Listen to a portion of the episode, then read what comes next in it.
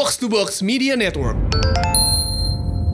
Jeff Jeff capek halo. gak sih lo main jadi orang ganteng Capek banget. Selamat datang di episode terbaru The Showbox Podcast Gue Lisa Siregar dan sekarang gue udah bareng dengan Jeffrey Nichols Buat kalian yang belum tahu siapa itu Jeffrey Nichols Masa nggak tahu sih ya? Jeffrey Nicole ya Jeffrey, Jeffrey Nicole, Nicole, Jeffrey ya. Nicole Heeh. Mau di tag? Salah soalnya namanya tadi Gak aja apa-apa. Langsung aja Kesawan ya itu bagus.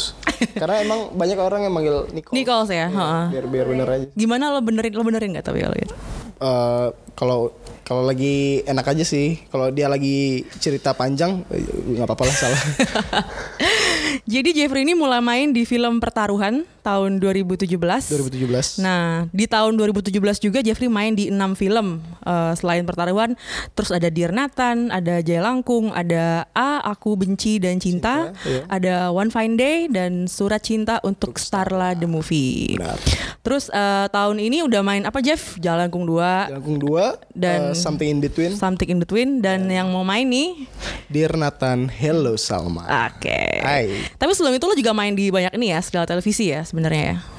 Eh, ada dua serial tel- televisi sih eh, sebelumnya, 2013 sama 2015. Hmm, jadi setelah itu baru uh, making the jump ke film gitu ya. Film ya. Nah sekarang kita mau ngobrol sama Jeffrey soal film terbaru lo nih Jeff, Dear Nathan Hello Salma gitu loh. Ox. Dear Nathan ini kan film yang cukup melejitkan nama lo nih. Iya. Tapi kalau menurut lo kekuatan film yang keduanya dibanding yang pertamanya apa sih?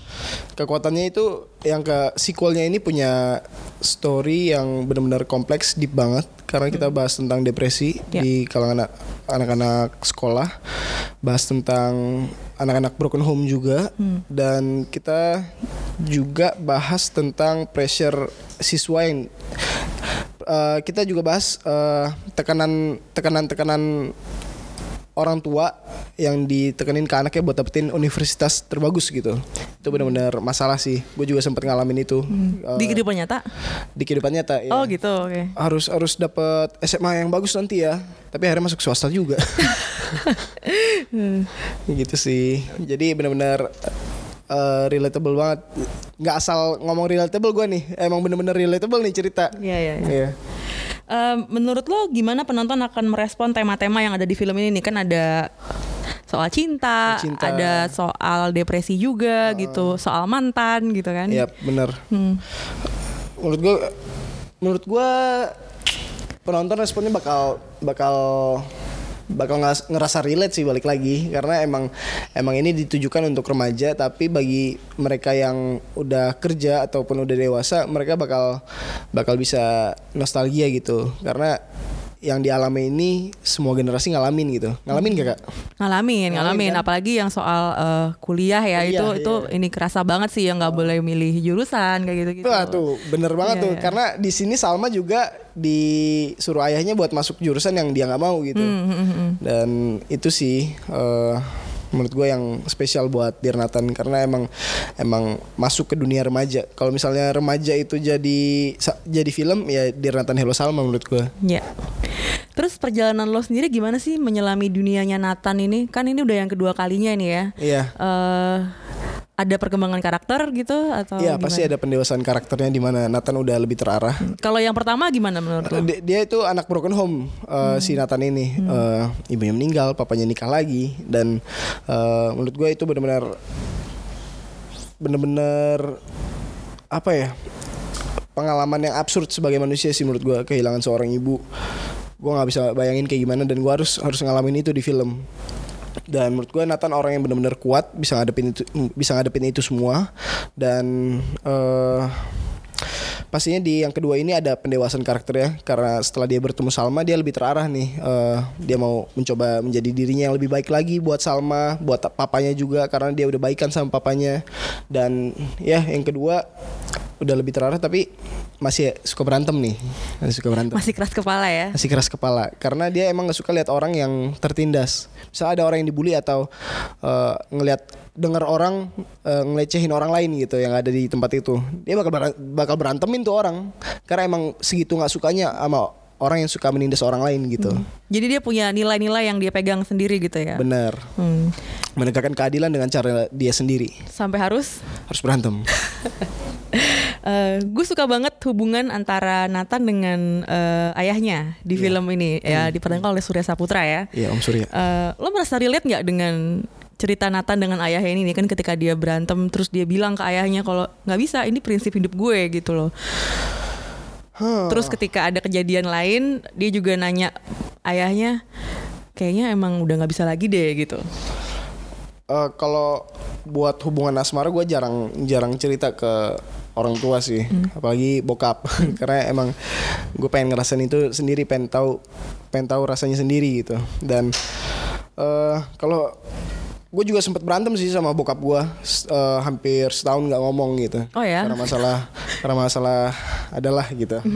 Dan itu Nathan juga juga kayak gitu, nggak ngomong sama ayahnya karena ayahnya nikah lagi Hmm. ninggal ninggalin ibunya yang yang lagi sakit Hmm. dan menurut gua Nathan ya, ya benar-benar relate sih gue sama Nathan di bagian orang tua. Hmm. Tapi kan lu sering ya main di film remaja gitu ya. Ada nggak sih yang hubungan sama orang tuanya sedekat antara si Nathan dengan eh, ayahnya gitu? kalau pas Nathan baikan sama ayahnya eh, kayaknya kedekatan gue sama bokap gue juga sama kayak Nathan gitu. Dan kedekatan Nathan sama ibunya sebelum meninggal juga sama kayak kedekatan gue sama nyokap gue Eh, dan ya gitu sih Lo udah main bareng Amanda di tujuh film nih. Tujuh film. Jeff, banyak banget nih. Gue sebutin dulu ya. Ada Dear Nathan, Yep. ada Jaya Langkung, ada di Aku Benci eh, dan Dan Cinta, Cinta, iya. ada One Fine Day, One Fine Day tapi cameo nggak cameo ya. pasangan. iya. Iya. Terus ada Jaya Langkung 2, Langkung dua Something in Between, pengen between sama ini Dear Nathan sama Hello Salma gini ya. Yap, Itu luar biasa sih Jeff. luar biasa banget. Terus setiap lo memasuki cerita, Jeda eh, nggak nggak sampai dua tahun lagi itu semua. iya ya semuanya. Jadi berarti syutingnya terus-terusan bareng aja tuh. Terus terusan bareng ya. Iya. Temu terus aja. Tapi setiap lo masuk cerita baru nih kan dari Dear Nathan, terus lo ke ada misalnya Something in Between gitu ya. Eh, gimana proses lo sama Amanda untuk mendalami perannya itu? eh prosesnya pasti kita eh bedah skrip sih pasti dan banyak ngobrol-ngobrol tentang mau chemistry mau kayak gimana nih cara kita berinteraksi sebagai karakternya harus beda dari yang lain dari karakter sebelumnya. Dan itu yang gue lakuin sama Amanda sih. Dan di One Fine Day ataupun ataupun anjir di One Fine Day doang gue nggak nggak pasangan sama dia.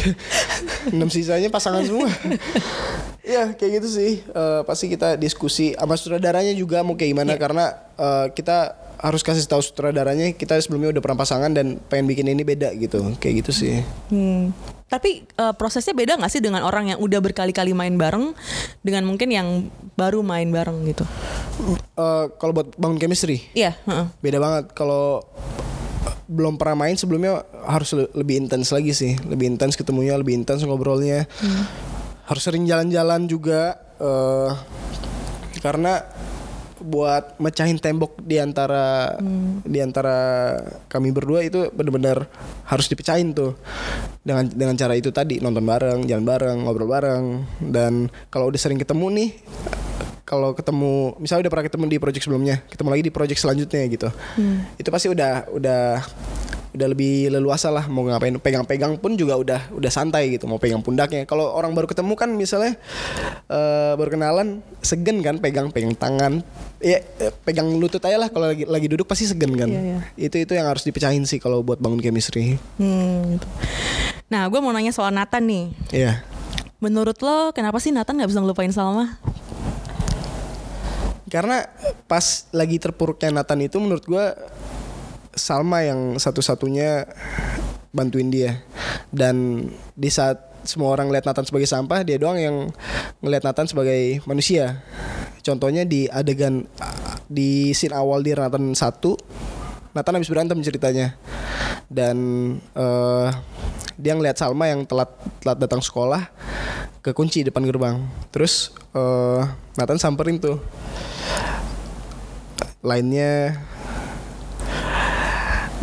telat sekolah aja paniknya kayak telat PMS gitu digituin nama Nathan dan eh, Karakternya gitu ya, selengean gue selengan gitu ya. iya bener Jadi Salma juga antara kesel tapi cinta ya kan? Iya, kaget juga dia si Salma. Terus disamperin sama si Salmanya. Eh, pokoknya agak kesel si Salmanya. Tapi dia ngelihat lukanya Nathan yang habis berantem itu tadi sih. Dan dia tiba-tiba ngeluarin plaster, dipakein di Nathan. Dan di situ titik Nathan kayak, wah masih ada yang ngeliatku sebagai manusia nih. Dan itu sih yang bikin, menurut gua yang bikin Nathan benar-benar jatuh cinta sama si, si Salma karena kebaikannya itu. Hmm, gitu ya. Kalau buat Jeffrey cewek seperti apa yang nggak terlupakan?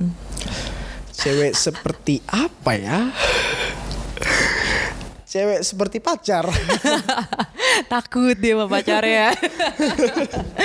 Oke, obrolan kita makin seru nih Jeff. Eh, Yap. Dan nanti abis ini gue bakal nanya-nanya ke lo soal profesi lo sebagai seorang aktor. Oks. Tapi sekarang kita ngasih break dulu nih buat pendengar yang mau minum dulu. Eh, Oke. Nanti kita lanjut lagi abis ini ya. Oke, siap. Oke. Kalau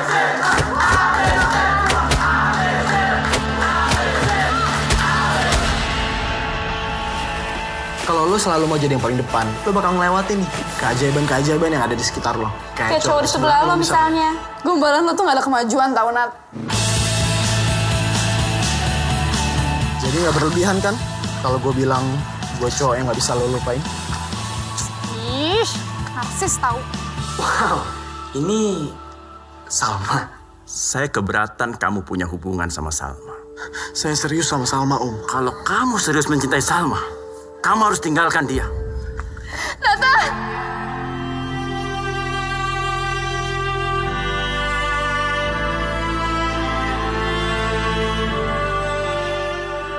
Kayaknya emang semuanya harus berakhir, Pak. Kalau kamu sudah memutuskan itu, kamu harus siap dan kamu jangan lagi nengok ke belakang.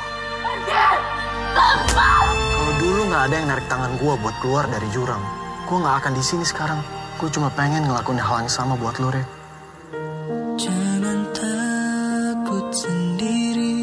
Masih nggak yakin ya? Nathan udah dapet yang baru. Lo tuh ngenilai dia terlalu tinggi, Mak. Gak kangen. Ganti topik ah. Mantan, manis diingatan. Adanya di hati terus. Ih, Nathan. Nah, itu HP gue. Gue mau tau nih bangsat maunya apa? Lo siapa sih? Tidak.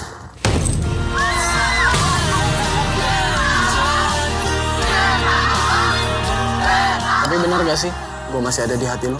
Jangan tanya aku. Kalau pikiran kamu sendiri kan yang selalu benar.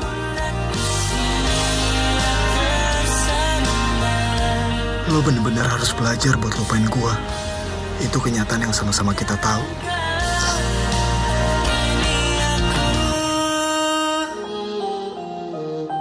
Sekarang kita balik lagi bareng Jeffrey Nicole. Jeff, gue mau nanya nih tadi soal yang cewek tidak terlupakan. Iya.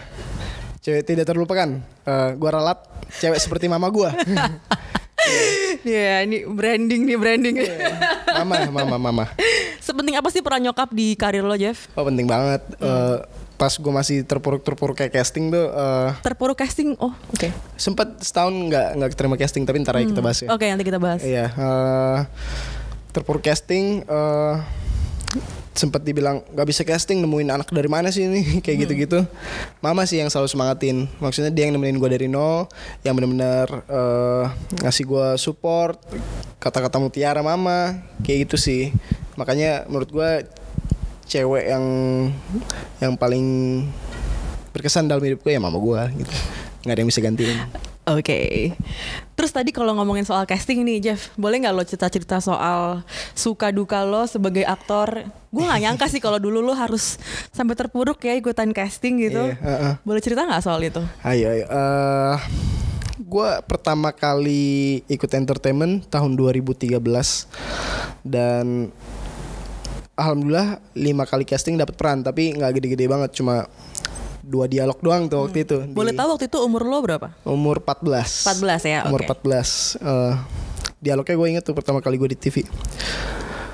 Ceritanya ada ada ada orang lagi ngelayat. Berapa banyak ya tuh orangnya? Itu teman gue. Terus gue jawab, seribu orang tuh. Udah habis itu nggak ada lagi gue dialog. Cuma lewat Memorable juga tapi. Iya, memorable banget sih. Dan ya, abis itu nggak dapat dapat casting sana sini ke PH PH ke project project 2013 sampai ke 2015 berapa tahun? Dua tahun ya? Dua tahun nggak dapet. Pas 2015 dapat keluarga Garuda di dadaku. Eh, sempat down juga sih sempat down juga karena di sama orang produksinya dibilang jelek banget gak bisa acting gak bisa senyum malah Itu pas lagi syuting atau pas lagi pas lagi casting? dibilang gak bisa senyum tuh pas lagi foto poster dan akhirnya Oh, poster gua nggak masuk Oh ya? Ouch. Shit. Dan ya abis 2015 gue casting casting lagi selama setahun. Ini pas gue udah SMA nih 2015, 2014, 2015 udah SMA. Gue setiap pulang sekolah kan uh, gue sekolah SMK Ya. pulangnya jam 3 tapi gue izin sekolah setiap hari itu buat casting st- pas jam jam break jam makan kedua jam Oh, 12 oke. jam 12 gua pulang ganti baju mandi segala macem Eh, siap-siap mau ke tempat casting sampai tempat casting jam 2 naik motor. Naik motor. Eh, dan sampai sana selalu ditolak sih. Dan hampir 200 300 kali gue casting ditolak selama setahun itu tuh. Dan 300 kali. Iya hampir 300 Hampir 300 kali. Kayaknya sih That's iya. insane. Karena emang setahun tuh benar-benar nggak ada project tuh. Dan eh, ya itu benar-benar Yang bikin gue mikir Apa emang gue nggak bisa acting kali ya Bukan bukan ranah gue nih kayaknya nih Dan sempet mikir udahlah gue fokus sekolah aja dulu SMK gitu mau jadi game developer Oh ya? ya dulu kan sempet ada Flappy Bird Iya, iya, iya. ya dan gue di sekolah belajar buat bikin game gitu bikin game di Oh, Android Jurusannya apa sih? SMP? multimedia sih. Multimedia, Tapi oke. belajar coding juga. Oke. Iya. Dan sambil gua fokus sambil gua fokus sekolah nih, tapi setiap pulang sekolah gue selalu nonton film dari SMP sih. Setiap Hmm, oke. pulang sekolah selalu nonton film. Oke. Dan selama gua cuti cuti casting casting tuh, eh gue selalu latihan, selalu latihan nonton film satu scene pause ikutin nonton nonton film satu scene pause ikutin dan akhirnya pas dengar ada casting film eh, katanya si prequelnya Serigala terakhir. Gue udah nonton nih Ser- Serigala terakhir dan anjrit film bagus nih. Sinetronnya nggak diterima apalagi film ya. Terus akhirnya adalah skip aja lah nggak bakal keterima juga buang-buang waktu gue udah udah kayak gitu tuh. Mental udah kayak gitu ya? udah mental kayak gitu. Tapi nggak tahu kenapa seminggu kemudian masih ada castingnya. Sama manajer gue dibilang dek ini castingnya masih ada serius gak mau ikut karena mood gue lagi enak juga tuh. Kayak hari Jumat tuh. Habis sholat Jumat. Ah nothing tulus lah. Gue nggak punya nggak punya apa-apa buat hilang gitu. Dan akhirnya gue gua datang ke tempat castingnya. Numpang sama teman gue dari Bekasi juga. Dia bawa mobil. Eh kebetulan di sana lagi ada produsernya, sutradaranya, casting directornya, da- semuanya. Ada ada Mas Adi, ada Mas Kristo, ada Bang Bimo, bener-bener Lengkap ya? lengkap banget tuh. Anjrit. Biasanya casting director doang gue deg-degan ini ada produsernya langsung. Oh. Eh, Oke, nothing tulus. Eh gua ma- gua dikasih skripnya dan yang datang tuh casting bukan talent-talent baru. Model-model supermodel yang bener-bener rahangnya kotak. Rambut- Simetris semuanya. Iya simetris semuanya, rambutnya rapih banget, ada yang gondrong juga, maco abis. Dan gue kayak kelimis bocah sendirian gitu, kayak gitu sih. Dan terus pas gue masuk, eh gue gue peragain tuh, gue jadi perannya si Ical, adik paling kecil. Eh gue kayak keinget masa-masa gue pas kecil karena dulu pas kecil gue punya banyak abang-abangan di di rumah. Iya. banyak yang jagain gue dan gue peragain gue pas masih pas masih kecil itu sih. Gue bilangin abang gue loh jadi habis berantem tuh. Kayak dan produsernya Mas Adi eh kamu bagus tapi coba kamu ke kamar mandi. Diacak-acakin rambutnya karena kelimis kan. Oke. ini perannya anak anak anak kampung ceritanya. Eh, ya gue masuk eh, acak-acakin rambut kamar mandi basahin rambutnya. Masuk lagi dipasangin sama eh, model. Tinggi banget lagi. Pendek sendirian. Dan ya gua gua peragain sama dia ceritanya lagi bagi-bagi jatah kolekan gitu. Dan nggak tahu kenapa eh, orang-orang casting itu suka gitu. Dan akhirnya oke kita suka sama kamu seminggu lagi kita ketemu ya di Kertanegara gitu. Datang casting lagi di sana dipasangin sama salah satu aktor papan atas waktu itu dia udah naik banget namanya buat jadi abang gua. Dan tetap eh, alhamdulillah tetap orang-orang castingnya sama produsernya suka sama gua. Nah akhirnya dipanggil lagi tiga hari kemudian buat kontrak langsung. Itu bener-bener "Hah, akhirnya dapet nih gue film nih kayak gitu. Dan gue langsung Perasaan gimana tuh Jeff waktu itu? wah kayak absurd banget sih nggak nggak tahu ngerasain apa tapi bener-bener seneng aja. Dan deg-degan hati juga. Dan di Instagram di Instagram bio gue langsung gue ganti aktor Akhirnya resmi jadi aktor. Iya itu baru resmi gue jadi aktor Setelah berapa ratus kali tuh casting. Oh lebih dua ratus lebih kali itu Gue gak nyangka sih lo ngitung Jeff Iya. sebenarnya. Gue gak nyangka kalau lo tuh ngitung berapa kali gagal gitu ya. Tapi berarti itu sebenarnya perjalanan lo sebagai seorang aktor ya emang Emang kayak gitu nggak dalam dalam sehari semalam, semalam iya, ya bener. gitu ya. Berarti emang udah jatuh bangunnya gitu. Bener banget Nebeng-nebeng teman ya Nebeng kan. temen gitu sih Sampai sekarang masih temenan gak sama yang ngasih tebingan waktu itu? Masih Masih ya. Masih masih banget Nah terus gue juga mau nanya nih di kebanyakan film yang booming nih ya ada kayak Dylan, terus ada Nathan, ada catatan si boy gitu. Cowok yang keren tuh yang image-nya tuh bad boy gitu. Iya Nah, terus menurut lo ya sebagai seorang aktor, lu khawatir nggak sih dengan eh, penggambaran image bad boy kayak gitu? eh khawatir buat Impactnya ke penonton, maksudnya. ya. Eh, eh. Sedikit khawatir sih, tapi tergantung juga motivasi dari karakter bad boy itu apa. Kalau misalnya Nathan kan dia bad boy, dicap bad boy karena karena suka berantem. Tapi suka berantemnya itu karena membela keadilan kan. Cara dia berantem itu eh, cuma cara dia sendiri buat Iya. menegakkan keadilan. Iya. Kalau buat karakter-karakter lain gua nggak tahu ya motivasinya apa dicap bad boy, eh, motivasinya apa berantem. Tapi yang jelas menurut gua selama motivasinya bagus, eh, niatnya bagus, menurut gua nggak apa-apa sih bad boy. Tapi kalau bisa sih good boy aja lah. Iya, takutnya anak-anak sekolah pada pada sosokan bad boy nih. Hmm, biar disukain cewek-cewek ya kan? Kan cewek-cewek sosokan berantem tau-tau bonyok aja. Iya, Kan gak enak juga. Iya, iya, iya. Terus eh, pas ditanya kenapa berantem? Biar kayak Nathan, Pak. gue yang disalahin. Untung itu pernah terjadi nggak? Belum kan? Enggak, enggak. Ya. Untung enggak. Alhamdulillah. Terus lo sering main juga nih, kan lo sebenarnya jadi Nathan tuh jadi kayak pacar idaman gitu ya, fans tuh baper gitu ya kan. Tapi image lo sebagai cowok idaman ini membuat lo ini gak sih? Misalnya lo harus menerima peran yang tertentu aja atau lo menghindari peran-peran tertentu gitu supaya image lo sebagai eh, cowok idaman tuh nggak rusak gitu. Impact Nathan tuh gede banget ke gue karena setelah di Nathan gue selalu dijadiin karakter-karakter cowok cool, cowok ganteng yang selalu dapetin ceweknya. Hmm. gue terjebak di stereotype kayak gitu dan gue sebenarnya pengen keluar sih dari yang kayak dari stereotype yang kayak gitu dan untungnya ada beberapa beberapa film yang gue keluar dari stereotype itu ada yang culun lah ada yang eh, anak anak buah yang suka dilecehin lah kayak gitu sih. Dan ya menurut gue aktor tuh harus diverse lah itunya peran-perannya. Nggak boleh terjebak di satu stereotype aja sih. Jadi udah mulai ngambil yang lain-lain ya. iya bener Tapi banget. susah nggak untuk melepas image itu?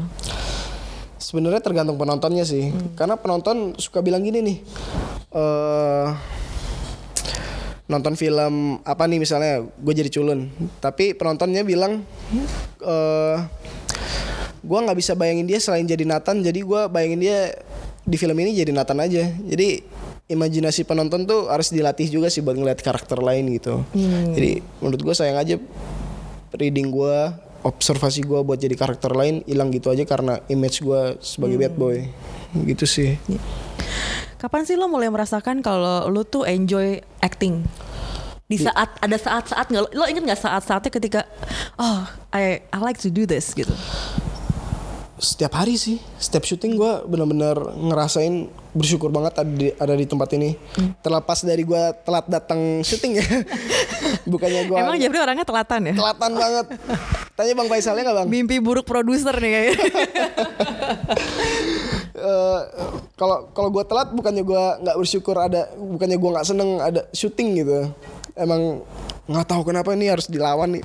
Ah elah gue bener-bener seneng sih syuting. Maksudnya beruntung banget bisa dapat project dan beruntung banget bisa dipercayain buat main film. Dan pertama kali gue ngerasain itu ya pas syuting pertaruhan sih. Karena gue ngobrol sama Om Tio ngobrol sama Bang Dodot Aliando yang which is uh, senior-senior di atas gue yang udah lebih dulu masuk dunia acting. Dan itu yang bikin gue cinta juga terhadap film Indonesia. Karena Om Tio juga pernah cerita ak- aktor Indonesia ini kurang banget dan filmnya uh, sangat di uh, remehkan lah dari film luar. Dan semenjak saat itu gue punya niat buat uh, ada di film bagus dan kalau bisa berkontribusi buat bikin film bagus juga gitu. Dan dari situ sih Gimana sih cara seorang aktor menjaga hubungan dengan produser dan sutradara? Ada nggak tips-tipsnya gitu? Sa- selalu silaturahmi sih menurut gue sapa walaupun di WA aja menurut gue udah cukup dan kalau misal pun ditawarin karakter tapi Iya. lagi nggak bisa tahan sah eh, apa tuh tolak sehalus mungkin se- sebisa sebi- Nolak sebisa halus tuh mungkin kayak sih. gimana tuh Jeff? Nolak halus. Misalnya gimana ya? Waduh pak masih ada kontrak nih pak. Nggak bisa. Gitu. Iya. Gimana kalau lu ditawarin peran yang lo nggak suka? gue pasti bakal nolak sih. Iya. bakal nolak. Dan ya tolak sehalus sehalus mungkin lagi sih. Karena emang jaga hubungan dan emang sayang aja sih kalau misalnya ada ada kerenggangan hubungan di di antara aktor sama produsernya. Menurut gue nanti matiin karir buat si aktor itu sendiri. Iya. Terus sebagai aktor sutradara yang ideal itu menurut lo yang seperti apa sih? sutradara yang ideal itu yang punya visi terhadap karakternya sama ceritanya visi dia sendiri ya. Eh, bukan sutradara yang kayak misalnya gue nanya nih pak eh, desain karakternya mau kayak gimana ya? Rambutnya mau kayak gimana? Eh, harus saya naikin berat badan apa kurusin gitu? Eh, jadi diri lu sendiri aja. Itu yang bikin bete sih. Pak eh, maksudnya gue sebagai orang lain nih pasti ada pasti ada yang harus gue ubah. Terlepas dari cara mikir Semacam guidance gitu ya? Iya semacam guidance karena kalau menurut gua nih kalau fisik gua diubah buat suatu karakter itu membantu gua buat mikir sebagai kar- karakter itu juga gitu. Misalnya gue dipakein gigi nih buat jadi tonggos itu bakal bakal bantu acting gua banget tuh. Karena bukan jadi diri sendiri gitu dan bagi aktor-aktor muda zaman sekarang menurut gua sering banget dapat komen kayak gitu ah dia actingnya jadi diri sendiri mulu bosen gitu kayak malas aja gitu digituin Sebenarnya jadi sebenarnya aktor tuh bisa aja nggak kayak gitu ya, cuman dia butuh guidance dari Iya butuh guidance dan butuh kesempatan di karakter lain gitu. Harus dikasih kesempatan. Oke. Lo tertarik gak sih untuk terjun ke belakang layar? Tertarik banget kemarin sempet juga sih eh, nul- bantu nulis film di Jakarta versus Everybody. Hmm. Bareng Robi ya? Iya bareng Mas Robi Artanto dan eh, semi-semi produser lah, Hmm, semi-semi produser. Semi produser tuh maksudnya gimana tuh? Jadi lo Ban- bantuin, bantuin Mas Robi sebagai produser. Tapi Mas Robi nganggapnya Iya kamu dapat saham kok di sini. Kamu produsernya juga kan. Ya, semi- Semi-semi produser gitu lah. ya, eh, alhamdulillah syutingnya lancar, ceritanya juga gue suka banget dan semua case juga ngasih 100% buat buat filmnya dan krunya juga benar-benar kayak keluarga pas syuting Jakarta versus Everybody. Dan ya semoga tahun depan bisa tayang sih di bioskop. Amin. Film festival ya ini ya rencananya. Ya rencana mau dimasukin festival dulu. Ah oke. Gue mau nanya soal fans nih. Hmm. Eh, gimana cara lo menghadapi fans yang wah, histeris banget, pengen ketemu lo gitu. Ketika ketemu lo kan mereka harapannya membuncah gitu ya. Iya. Gimana tuh Jeff? eh pasti kalau kalau ada waktu dan pasti kalau ada waktu dan ada kesempatan gue bakal ladenin sih. Eh, bakal gue lebih suka ngobrol daripada foto sama sama fans. Gue seneng banget kalau diajak ngobrol. Karena kalau diajak foto Tuh ya girls, Iya. ajak ngobrol Jeffrey-nya. ya kadang kalau ada ada ketemu mereka cuma mau foto terus post sosial post di sosial media udah pergi gitu aja gitu. Kayak ngerasa objek gue Iya. jadi bahan bahan foto doang jadinya. Gue lebih mer- lebih merasa dihargai kalau diajak ngobrol sih. Apalagi kalau diajak ngobrol yang berfaedah. Yang kayak gimana tuh yang berfaedah? ya apa kek punya ada ada project apa abis ini? Kayak gitu-gitu sih. Pengen dong eh, ikut project-projectnya. Misalnya gua lagi ngadain ngadain project buat tanam apa gitu dia pengen kontribusi Jadi juga menunjukkan kepedulian ya kalau sebagai aktor gitu ya. ya bener dan ya gitu sih kalau misalnya serius banget sampai nangis juga eh gue bingung Pasti juga sih sering sebenarnya. dong, pasti iya, sering iya sering dong. banget maksudnya harus gue peluk kah? Harus harus gue kasih tisu cup-cupin lah. Selama ini gimana aja? sampai mereka nangis terus langsung peluk gue oh iya cup cup cup kayak gitu sih ya udah mau mau foto? Iya. Oh iya udah sini sini sini. Udah iya udah kak makasih kak. Iya gitu. Kayak gitu sih. Iya. Pernah gak sih lo ngerasa kecewa dengan diri lo sendiri ketika lo tuh gak bisa bikin seneng semua fans lo gitu? Karena kan lo juga butuh privacy, lo butuh waktu buat diri lo sendiri gitu. Wah sering banget tuh apalagi kalau habis promo ke daerah Oh, pasti banyak banget di daerah yang datang ke meet and greet dan semuanya pengen minta foto. Ya. Gua bakal adenin sebisa mungkin se semaksimal semaksimal mungkin buat ambil foto mereka, ambil HP mereka foto selfie, ambil HP mereka foto selfie. Terus yang di belakang juga kadang sering nggak kedapatan yang di belakang tuh dan gua harus pergi karena ngejar jadwal juga. Jadi kayak ngerasa kasihan aja gitu. Mereka udah misalnya datang dari jauh dari luar daerahnya malah. Dari misalnya gua datang di Surabaya, datang ada yang datang dari Madura terus nggak kedapatan foto, gua kayak anjir gue ngerasa bersalah banget. Mereka datang jauh-jauh buat gue dan gue nggak bisa nggak bisa ngeladenin mereka. Itu bikin gue sakit hati sih ke diri gue sendiri. Iya. Pernah ada cerita menarik nggak soal ketemu fans? Cerita menarik hmm, yang mungkin memorable buat lo gitu? banyak banyak ada yang bikin skripsinya tentang gue Really? iya iya iya Jadi apa tuh judulnya? Ingat nggak lo? nggak nggak inget dia pokoknya bilang "Eh, bang eh, doain aku ya aku bikin skripsi atau makalah atau apa gitu tentang tentang abang nih gitu Oh, wow. iya, Di mana tuh, semangat, Jeff? semangat. Waktu di mana? di Surabaya apa Jogja gitu Oh, Oke. iya iya iya, semangat semangat semangat semangat Eh, semoga semoga lulus ya gitu sih Wow, oke. Setelah ini kita bakal ngobrolin project-project Jeffrey yang terbaru setelah break berikut ini. siap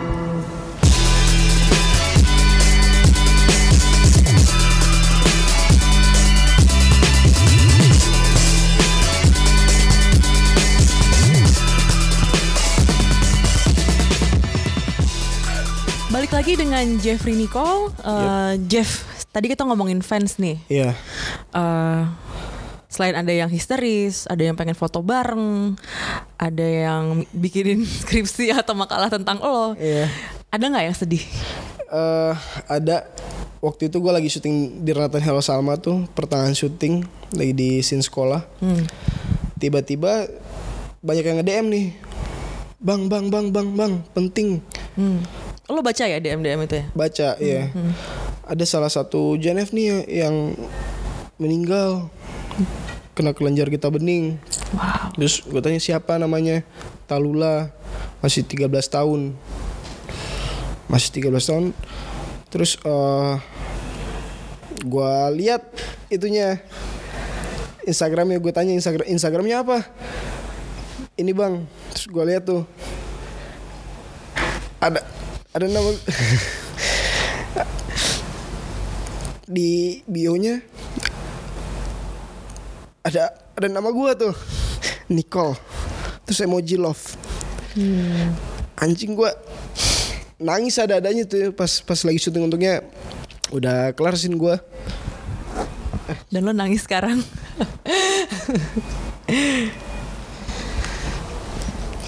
ah iya. Terus uh, pada cerita dia pengen banget ketemu abang katanya.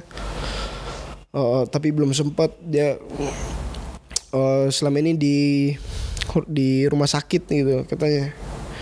Terus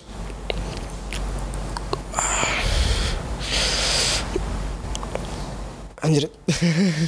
Ya uh, gue saat itu apa yang lo lakukan ketika dengar dapat DM terus lo lihat profil dia gitu ya? gua gua DM abangnya. DM abangnya. Lo DM abangnya Iya. mengucapkan bela sungkawa. Iya, ngucapin bela sungkawa. Eh, gua gua gua bilang di mana dimakaminnya. Eh, nanti kalau lagi libur semoga gue bisa eh, datang ke makamnya gitu. Dan eh gue belum sempet sih sampai sekarang nih. Promo terus ya. Iya, belum sempet. Eh, semoga sih nanti eh, ada libur. Janji gue buat buat abangnya tuh. Iya, dan Itu akan terus lo inget ya Jeff. iya. Shit. Iya, sedih Oke. banget sih emang. Ya itu sedih banget sih buat keluarganya Talula. Semoga Iya. nanti Jeffrey bisa segera ketemu ya. Eh, setelah mungkin setelah di Nathan Hello selama premier udah tenang, promonya udah kelar gitu ya. Amin, amin. Bisa ada waktu untuk ketemu keluarganya Talula. Masih 13 tahun sih. Iya. Iya. Nah, sekarang kita mau ngomongin project-project lo berikutnya nih. Iya. Eh, karena ini menurut gue cukup bervariasi nih Jeff. Ada Jakarta versus Everybody yang Iya. itu lagi eh, post pro ya sekarang ya. Iya, lagi lagi post pro post pro ya. Terus ada Dread Out, Dread Out, berdasarkan game yang Game. pertama di Indonesia nih ya, Kimo, Istanbul uh, saudaranya. Dan ada Hit and Run. Apa lagi syuting atau gimana? Hit and Run lagi syuting. Lagi Eh, syuting. Dua hari yang lalu syuting day pertama, tapi untungnya gue nggak terlalu intens sih syutingnya, jadi bisa Hmm. sekalian sambil promo gitu. Ya. Sama Upi lagi ya ini. Eh, Mbak Upi yang nulis. Mbak Upi. Oh, Mbak Upi yang nulis. saudaranya? Sutradaranya Mas Odi Harahap, Mas Ocai. Oh, Mas- iya, oke. Iya, gue suka banget sih eh, film dia yang kapan kawin. Iya. Eh, Oke, boleh nggak lo ceritain peran lo di Jakarta versus Everybody? Ini film tentang apa sih dan lo main sebagai siapa? Di sini gue eh ini cerita tentang narkoba sih sebenarnya, Hmm. sedikit eksplisit eh, dan gue berperan sebagai aktor yang nggak keterima-terima casting, ya. Semi biografi ya, Pak? Ini? Enggak enggak emang itu ide dari Om Yayu sebenarnya. Oh gitu ya, Yunru nih ya. Iya Om Yayu Unru ceritanya tadinya cerita tentang eh, cowok pengangguran aja tapi buat nambahin motivasi Om Yayu bilang gimana kalau kita jadiin dia aktor yang gak terima-terima gitu anjir pas banget nih dan ya eh, cerita dia aktor yang casting gak terima-terima pas syuting juga dilecehin Ya. Eh dia pengen latihan nih latihan rasa. Dengan cara nyoba berbagai pekerjaan biar tahu rasanya kayak gimana kalau misalnya dapat dapat peran dan pekerjaannya pekerjaan yang unik gitu. Ya.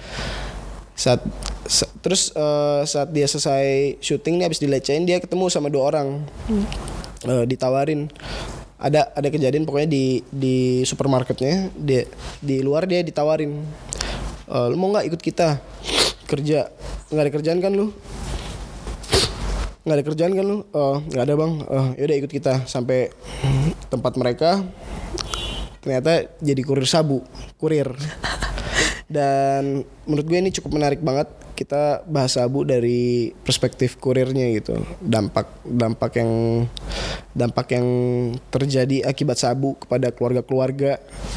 Dan karena menurut menurut gue yang jadi saksi hancurnya keluarga itu ya ya yang nganterin itu mereka ngelihat sampai seberapa hancurnya mereka karena narkoba gitu dan itu menurut gua eh menarik banget buat dibahas kayak gitu sih Dan lo di sini rambutnya gimana Jeff? Eh, mulet itu benar-benar Itu last ide lo ya? Ide Lo bilang sama iya. gue. Hmm. Eh, itu syutingnya jam 6 baru potong jam 4 pagi Iya, eh, subuh-subuh eh, itunya datang eh, hair hairstylistnya mau kayak gimana nih? Waktu itu masih gondrong tuh, masih gondrong semulut. Gimana kalau jadiin mulet aja gitu, panjang belakangnya nggak usah dipotong. Oh itu keputusan lo, bukan bukan lo diskusi dulu dengan sutradara atau Nah, iya nanya dulu sama Mas Robi. Gimana Iya. kalau Mas mulet Mas sampingnya abisin, belakangnya tetap, depannya uh, kayak ngeruncing gitu. Iya. Iya. Boleh tuh coba coba aja dulu. Ya udah akhirnya dipotong. Wah. Kampung juga nih. kampung lo juga. belum pernah ya dengan dengan kayak gitu penampilannya ya? Belum, di belum film pernah. di film-film sebelumnya. ya? Belum pernah. Malah malah orang ngiranya itu wig. Oh, oke. Rambut palsu karena belakangnya tebal banget kan Eh, enggak itu itu asli dan gue bangga banget bisa pernah ngerasain potongan kayak gitu dan anehnya masih ada aja yang bilang bang gantengan bang Terus, jelek Padahal dong. itu maksudnya biar terlihat. lihat kampung aduh Kalau di film ini kan yang tadi lo bilang eh, ditujukan buat festival gitu loh. Lo Iya. ngubah ak- teknik acting lo gak sih? Oh, gua di sini ngubah kebiasaan gue banyak banget. Salah satunya gua nggak bisa jauh dari makanan. Hmm. Di sini gua cuma tok makan pisang Kenapa tuh? karena eh sebagai aktor ada ada, ada method actor di mana mereka bakal ngubah kebiasaan, ngubah ka- arah kasur pun itu bakal ngaruh banget ke ke mental kita ke Oh ya? Iya, karena kalau ngubah kasur misalnya miring aja, kita bakal ngerasa ngerasa nggak nyaman gitu. Dan itu yang harus dilawan tuh.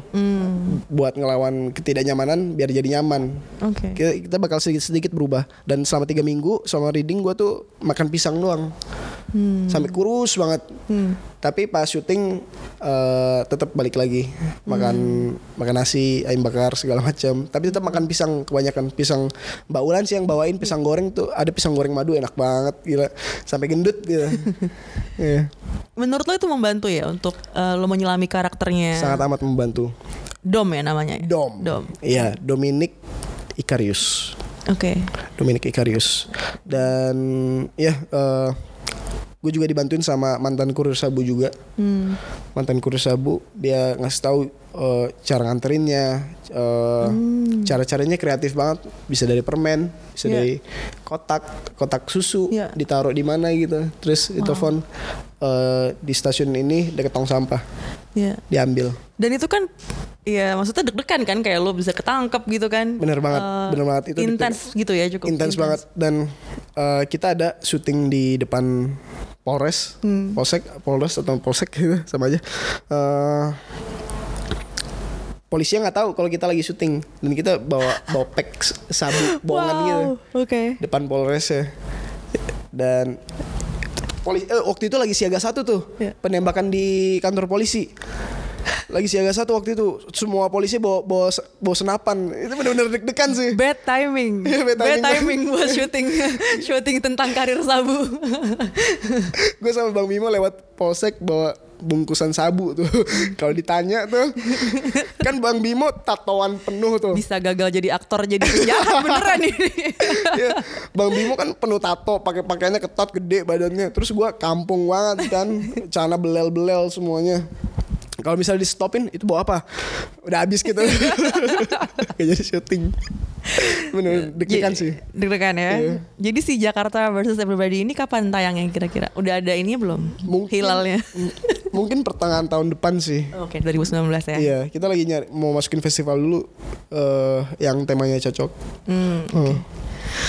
Terus yang kedua nih Jeff, ada Dread Out, Dread filmnya Kimo yang berdasarkan game ya, film Iya. pertama Indonesia yang berdasarkan oleh eh, game. Bener. Lo kan suka game nih, suka game.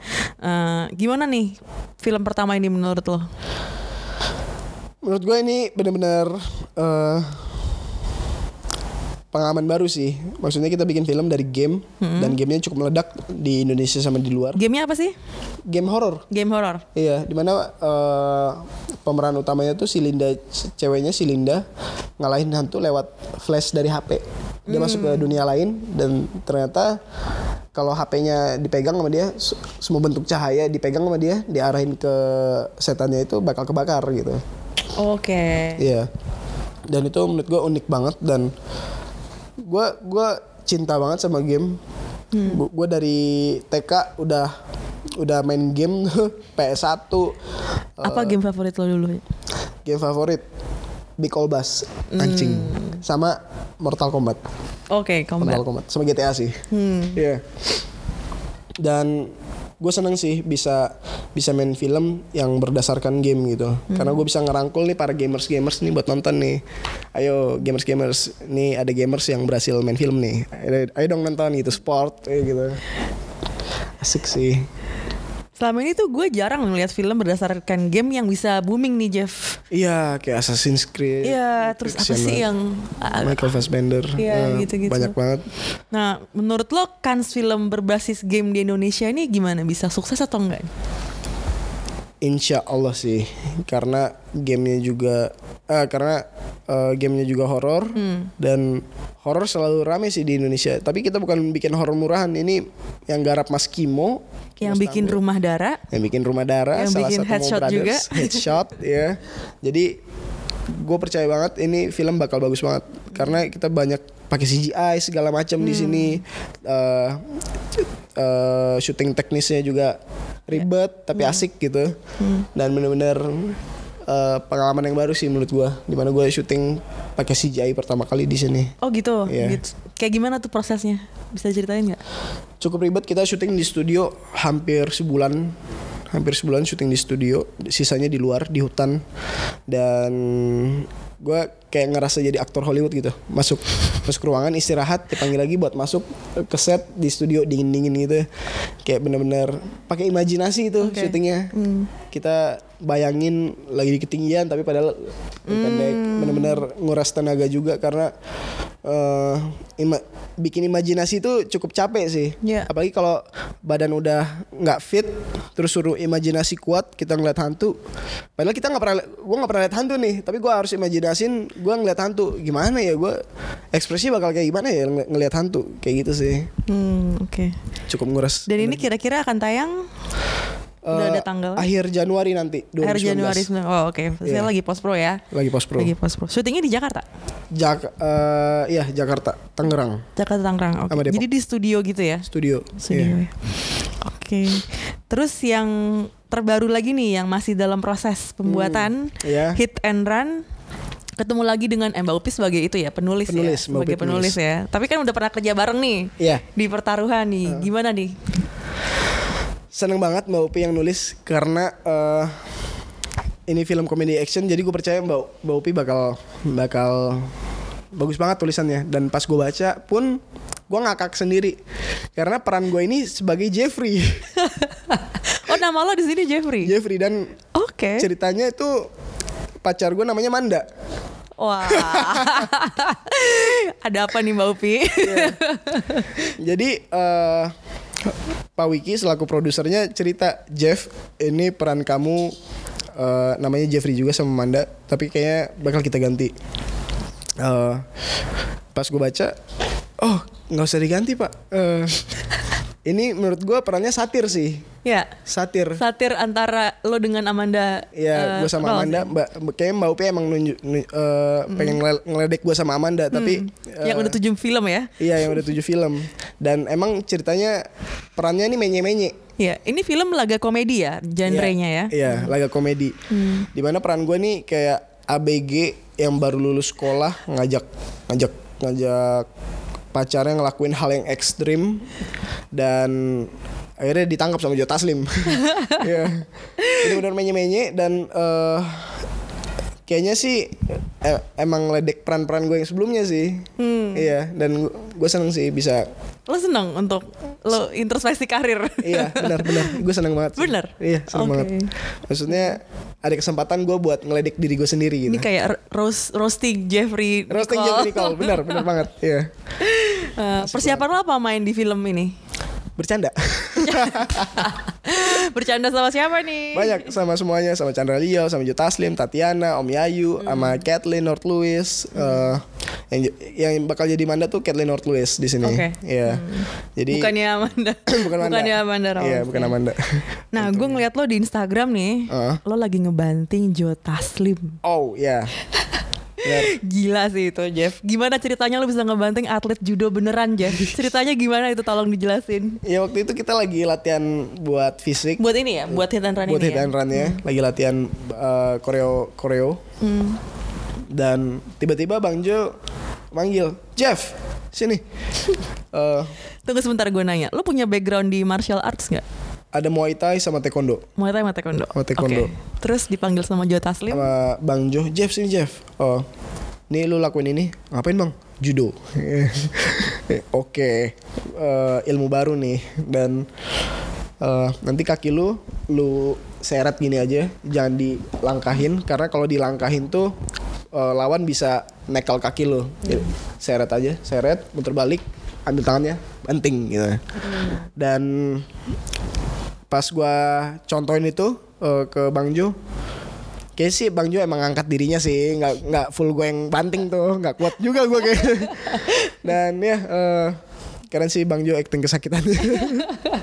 Terus eh, Chandra Leo nyoba, Tatiana nyoba, dan itu yang gue seneng dari Bang Jo sih, dia benar-benar bisa ngebikin suasana suasana latihan menyenangkan dan kita benar-benar enjoy dan nggak ada batas selama syuting kemarin sih nggak ada misalnya nggak nggak ada tembok satu kasur berempat Iya. istirahatnya kayak gitu-gitu sih Jadi bisa bonding banget ya dengan Bonding banget. eh, antar castnya gitu ya. Iya. Dan itu akan ada di filmnya adegan lo ngebanting itu?